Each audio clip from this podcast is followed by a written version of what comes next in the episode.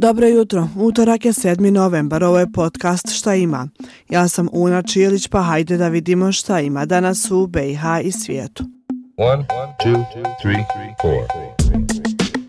Na samom početku pad najava. U zgradi federalnih institucija u Mostaru danas će biti održana 19. sjednica vlade Federacije BiH.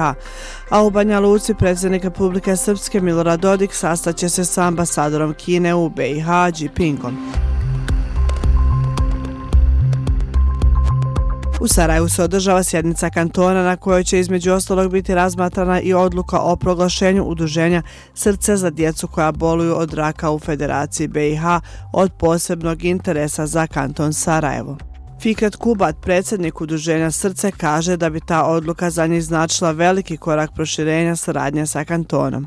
Ono što je ključno jeste da ćemo moći aplicirati na sredstva koja su potrebna za funkcionisanje roditeljske kuće u Sarajevu do sad to nije bio slučaj uh, gdje smo mogli jeli, da apliciramo i da dobijemo grantove koji bi bili uh, dugoročni, koji bi bili sigurni za nas da kuća funkcioniše. Kako pojašnjava, nikada nije bilo lako doći do kantonalnih sredstava, osim poziva koji su bili otvoreni za sve.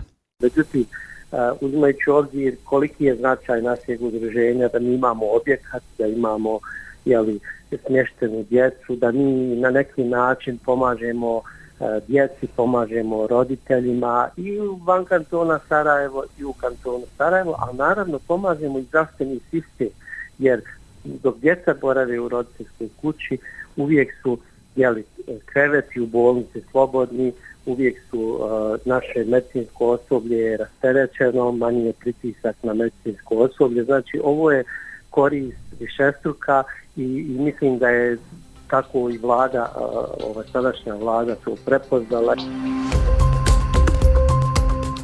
Ministarstvo vanjske trgovine i ekonomskih odnosa i stalna radna grupa za regionalni ruralni razvoj domaćini su godišnjeg sastanka na kojem će učestvovati šefovi delegacija nadležnih za poljoprivrednu i ruralni razvoj u jugoistočnoj Evropi.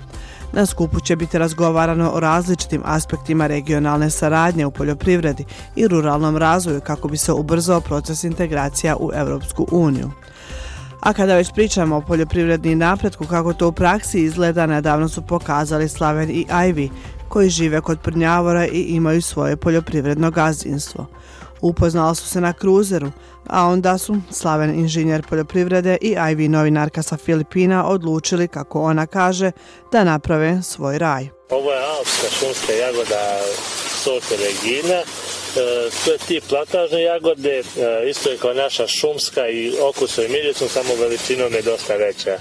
Imamo oko hiljadu žbunova, ovo je druga godina i očekujemo sada e, prve prinose.